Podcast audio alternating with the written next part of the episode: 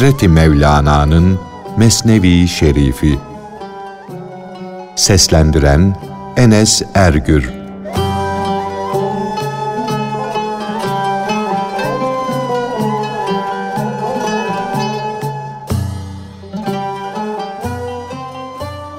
Gerçek yokluk hakta yok oluştur.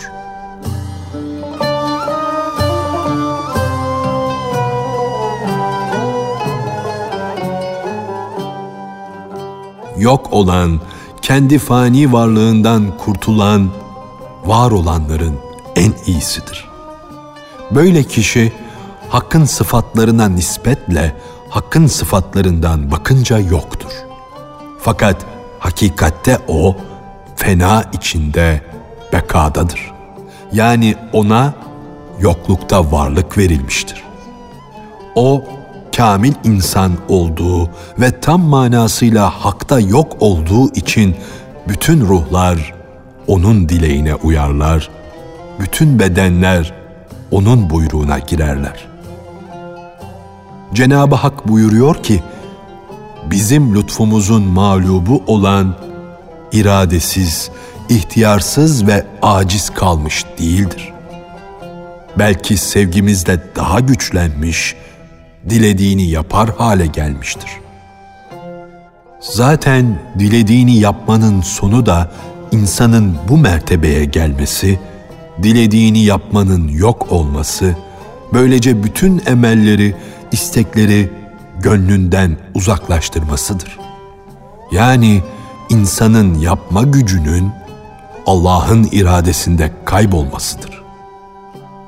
Sonunda varlığından, benliğinden geçip yok olmasaydı dilediğini yapmaktan bir tat alamazdı. Dünyada bir lokmanın, bir şerbetin lezzeti, tadı, lezzetten kesilmenin feri, parça buçuğudur.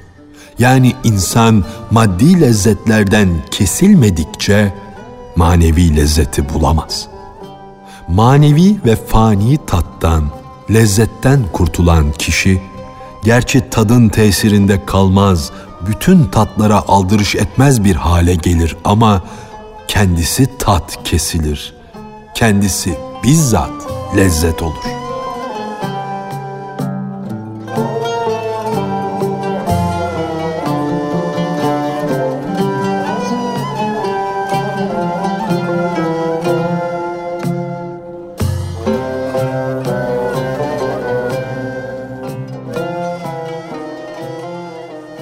İlahi bir nefha oldukları, aynı yerden geldikleri için bütün insanların ruhları kardeştir, birdir.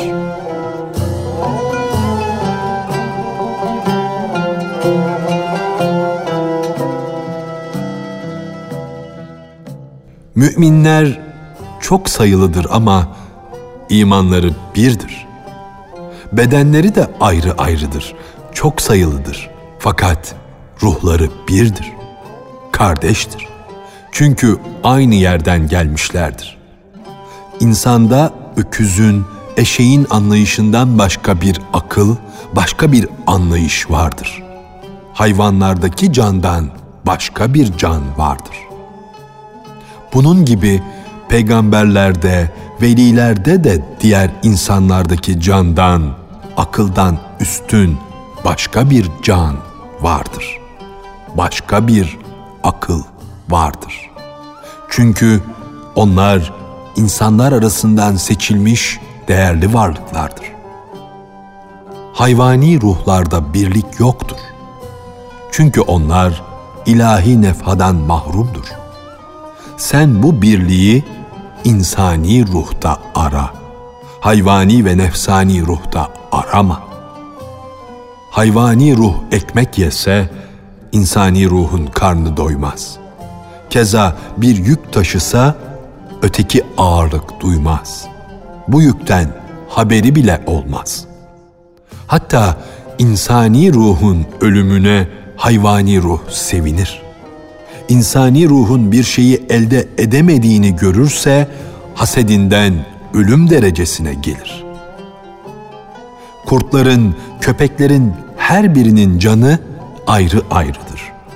bir olan can, Allah arslanlarının canlarıdır. Allah arslanlarının ruhları diye ruhu cemi yani çoğul olarak söyledim. Bu söyleyişim beden, gölge varlık yönündendir. Yoksa insanlardaki ruh, ruh aleminden gelmiş olup birdir.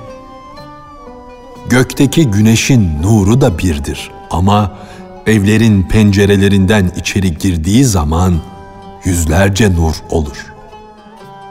Fakat evlerin arasındaki duvarları kaldıracak olursan hepsinin nuru bir olur. Evlerin temelleri yıkılınca müminler tek bir kişiye dönerler. Bu sözlerden ayrılık doğar, müşkiller belirir. Çünkü bu benzetiş onun tıpkı eşi, benzeri değil. Ancak ona bir örnektir. Arslan ile cesur bir insan arasında maddi yönden, beden bakımından sonsuz farklar vardır. Ey bakışı, anlayışı hoş olan kişi! Örnek getirildiği zaman benzeyiş, benzetiliş, cesur oluş, yiğitlik bakımındandır. Birlik ve benzerlik buradadır. O cesur adam nihayet yiğitlik bakımından arslana benzer. Başka yönden değil. Bu dünyada her bakımdan birbirinin eşi olan, birbirinin aynı olan iki şey yoktur ki onu sana tam bir örnek olarak göstereyim. Böyle olmakla beraber noksan bir örnek ele alayım da aklı uğradığı hayretten biraz olsun kurtarmış olayım. Geceleri karanlıktan kurtulmak için her evde kandil yakarlar. O kandil şu bedene benzer. Işığı da can gibidir. Ama kandil fitile, şuna buna muhtaçtır. Gerçekten de bu duyguların altı fitilli kandili gibi olan bedenimiz uykuya, yemeye, içmeye de muhtaçtır. Hayvani ruh yemeden, içmeden, uyumadan yarım nefes alacak kadar bile yaşayamadığı gibi yalnız yiyip içmekle de yaşayamaz.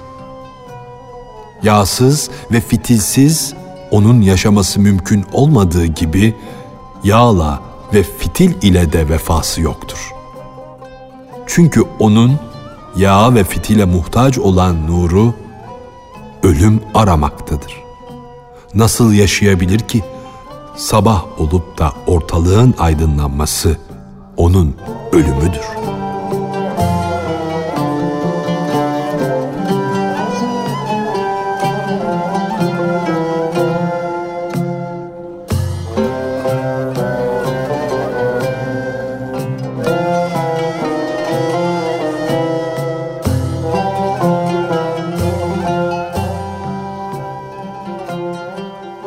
İnsanın bütün duygularının da bekası yoktur. Onlar da bedeni gibi fanidir.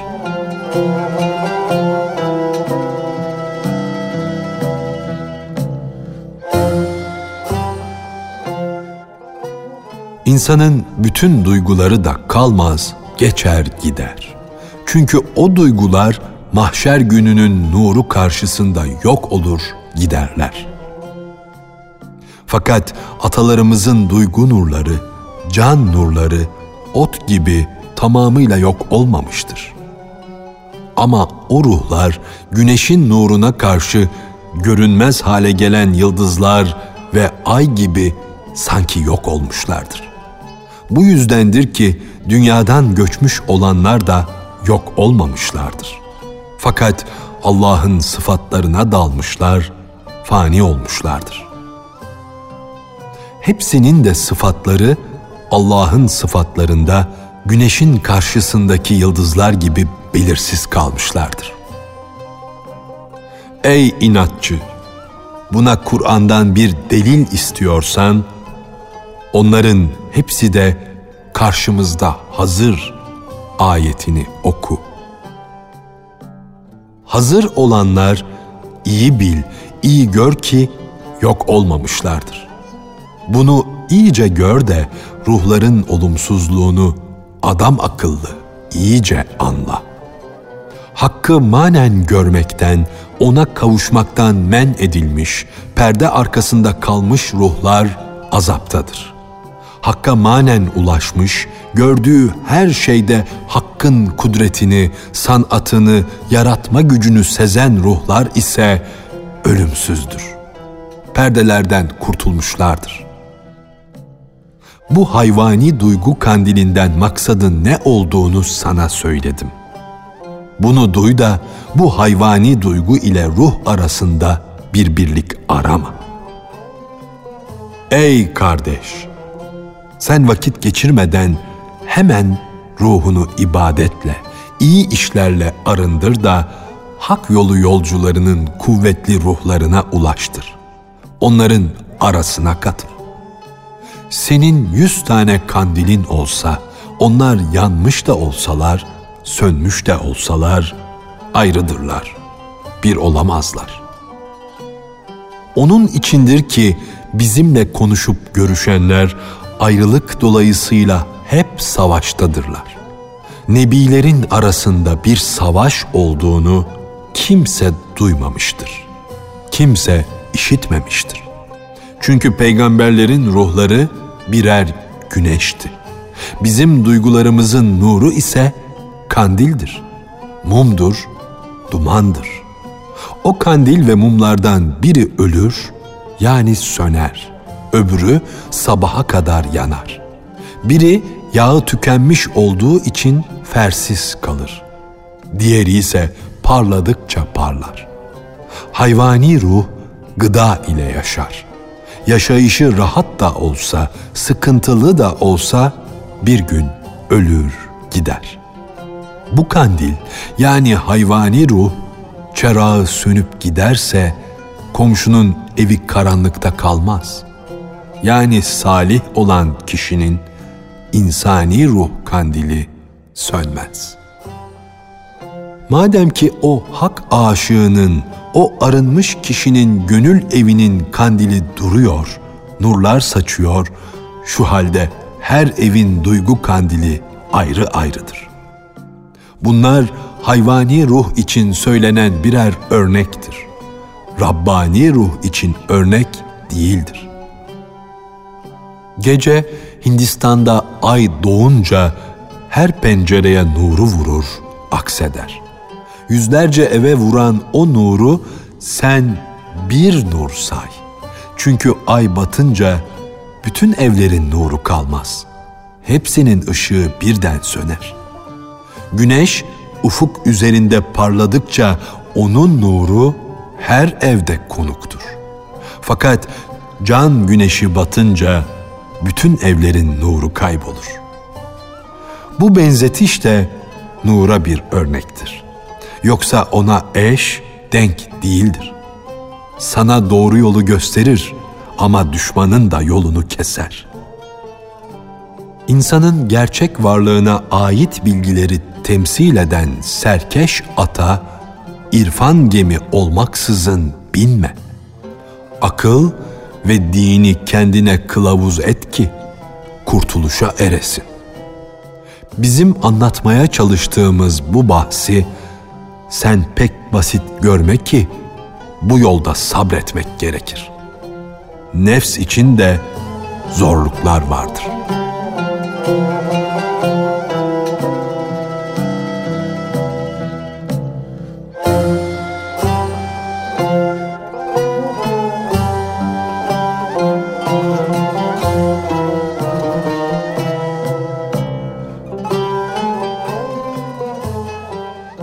Arılar ve İnsan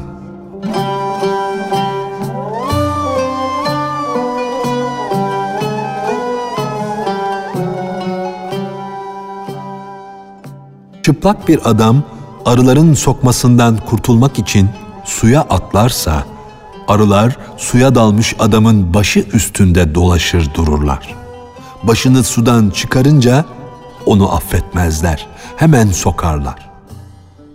Su Allah'ı zikrediş, anıştır. Arı ise bulunduğumuz zaman içinde şu kadının veya şu erkeğin hatırlanmasıdır. Şehvete kapılmamızın sembolüdür. Aklını başına al da Allah'ı anış suyuna dal. Nefesini tut. Sabret de eski düşüncelerden, eski vesveselerden kurtul. Ondan sonra da sen tepeden tırnağa kadar o saf, tertemiz suyun tabiatine bürünürsün. Öyle bir hale gelirsin ki o şer arısı, o günah arısı senden çekinir, kaçar. Ondan sonra istersen sudan uzaklaş. Uzaklaşsan bile iç yüzden yine o suyun huyuna sahipsin. Hakikatte o sudan ayrılmamış sayılırsın.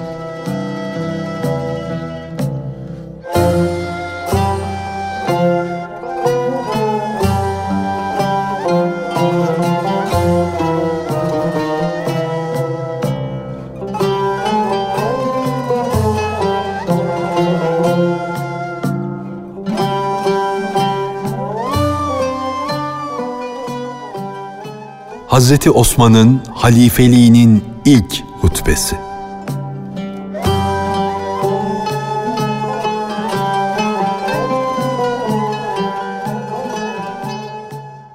Hazreti Osman halife olur olmaz halka bir şeyler söylemek için hemen koşup minbere çıktı. Bütün kainatın varlığı ile övündüğü Peygamber Efendimizin minberi üç basamaktı. Hazreti Ebu Bekir halife olunca minberde ikinci basamağa oturdu. Hazreti Ömer halifeliği zamanında Müslümanlığa, dine saygı göstermek için ve alçak gönüllü oluşundan ötürü o da üçüncü basamağa oturdu. Hazreti Osman devri gelince o mübarek talili halife minberin son basamağına kadar çıktı ve orada oturdu. Boşboğaz'ın biri Hazreti Osman'a dedi ki, senden önce gelen iki halife Resulullah'ın yerine oturmadılar. Sen mertebe bakımından onlardan üstün olmadığın halde neden onlardan üstün olmak sevdasına düştün? Hazreti Osman buyurdu ki, eğer üçüncü basamakta dursaydım, Hazreti Ömer'e benziyorum diye bir vehim hasıl olurdu ikinci basamağa çıkmaya kalkışsaydım da orada otursaydım bu defa da kendisini Hazreti Ebu Bekir'e benzetiyor diyebilirlerdi. Binberin üstü ise Hazreti Mustafa'nın yeridir. Beni o peygamberler sultanına benzetmek kimsenin vehmine gelmez. Ondan sonra kalbi Allah sevgisi ile olan Hazreti Osman hutbe okunacak yere oturdu, ikindi vakti yaklaşıncaya kadar dudaklarını kapadı, sustu. Halifenin o uzun sükutu, sessizliği sırasında kimsenin hadi söyle demeye yahut mescitten dışarı çıkıp gitmeye gücü ve kuvveti yoktu. Halkın bilgisiz ve görgüsüz olanlarına da, bilgili ve görgülü bulunanlarına da bir heybet düşmüştü. Mescidin içi de, damı da Allah'ın nuru ile dolmuştu. Gönül gözleri açık olanlar o ilahi nuru görüyorlardı. Bu görüşten mahrum olan körler de o güneşin hararetini duyuyorlardı körün gözü de noksansız bir güneşin doğduğunu hararetinden anlar. Fakat bu hakikat güneşinin harareti gözü açar da aydınlattığı şeyleri aynen olduğu gibi gösterir. Bu güneşin hararetinde bile başka bir hal vardır. O hararetle gönüle bir genişlik, bir rahatlık gelir. Kör evveline evvel olmayan hak nurunun hararetini duyunca ferahlanır da gözüm açıldı, görmeye başladım der. Ey gerçek dost! Bu hararetle sen kendinden geçmiş mest olmuşsun. Fakat senin duyduğun bu hoş manevi zevk ile ilahi nurları görüş arasında hayli yol vardır. Güneşten körün nasibi bu kadardır. Bunun yüz kat fazlası da olur. Her şeyin doğrusunu en iyi bilen Allah'tır. İlahi nuru tam manasıyla görmüş kişinin halini anlatmak hiç kimsenin hatta büyük İslam mütefekkiri Ebu Ali Sina'nın bile işi değildir. İsterse yüz kat daha kuvvetli olsun, bu dil sahibi ne oluyor ki eli ile görüş perdesini açmaya kalkışsın? O perdeye dokunanın vay haline. Allah'ın kılıcı eli kesi verir. Hatta elde nedir ki? Bilgisizlikle gurura kapılıp baş çekmeye kalkışanın başını keser, koparır. Bunları da sana söz olsun diye söyledim. Yoksa böyle bir dil sahibinin eli nerede, kendi nerede ki esrar perdesine yaklaşabilsin de onu açmaya çalışsın. Zandan, şüpheden arınmış, temizlenmiş göz ile gereksiz yere gevezelik eden, konuşan dil arasında yüz binlerce yıllık yol vardır desem yine de az söylemiş olurum. Aman sakın ha gökyüzünün nurundan ümidini kesme. Cenab-ı Hak dilerse ilahi nur bir an içinde sana da ulaşıverir.''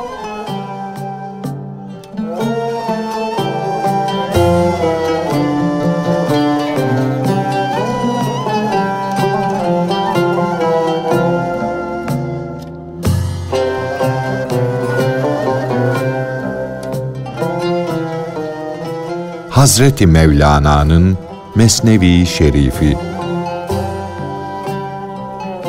Seslendiren Enes Ergür